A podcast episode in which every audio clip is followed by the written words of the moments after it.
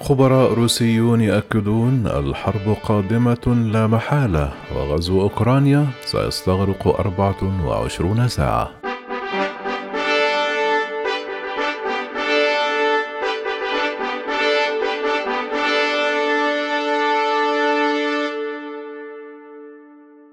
تضيق روسيا الخناق العسكري على أوكرانيا من كل الجهات بينما تنفي رسميا أي نيه للغزو.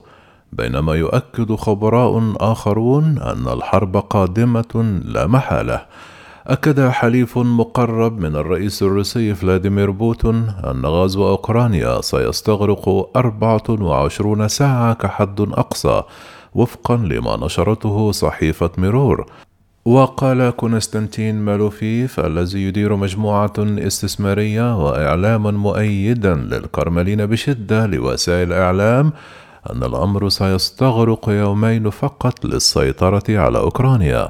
وقال لا يمكن أن يكون الصراع العسكري المفتوح بين روسيا وأوكرانيا حربا أو على الأقل حربا طويلة الأمد لأن الاختلاف في الإمكانيات العسكرية كبير جدا بحيث لا يمكن أن تكون هناك سوى عملية لإرغام السلام.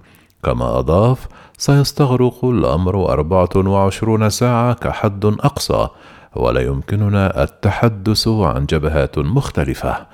وأكد ماليفوف أن أوكرانيا الآن تحت سيطرة وإدارة الولايات المتحدة الأمريكية وبريطانيا بالكامل وأن التعامل معها سيكون على هذا الأساس من قبل موسكو. وقال القوات الخاصة الأمريكية والبريطانية هي بالفعل على الأراضي الأوكرانية ونعلم أن القوات الخاصة الكندية وصلت إلى أوكرانيا أيضا. وحذر من أن تقود القوات الغربية أوكرانيا لحرب انتحارية خاسرة ستؤدي إلى إراقة الدماء من الطرفين.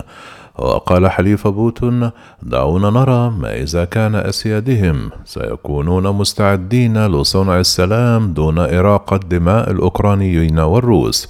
أم أنهم سوف يجرون الأوكرانيين إلى هذا الصراع المجنون والانتحاري؟ وفي الثامن عشر من الشهر الحالي بدأت موسكو في نشر جنود في بيلاروسيا لإجراء تدريبات لم يعلن عنها مسبقا. على الاستعداد القتالي على حدود الاتحاد الأوروبي وأوكرانيا. وتقدر أوكرانيا الآن عناصر القوة العسكرية الروسية المتأهبة للنزاع إلى 130 ألف جندي وهي قوة كافية لتنفيذ غزو جزئي أو كامل لأوكرانيا وفقا للخبراء.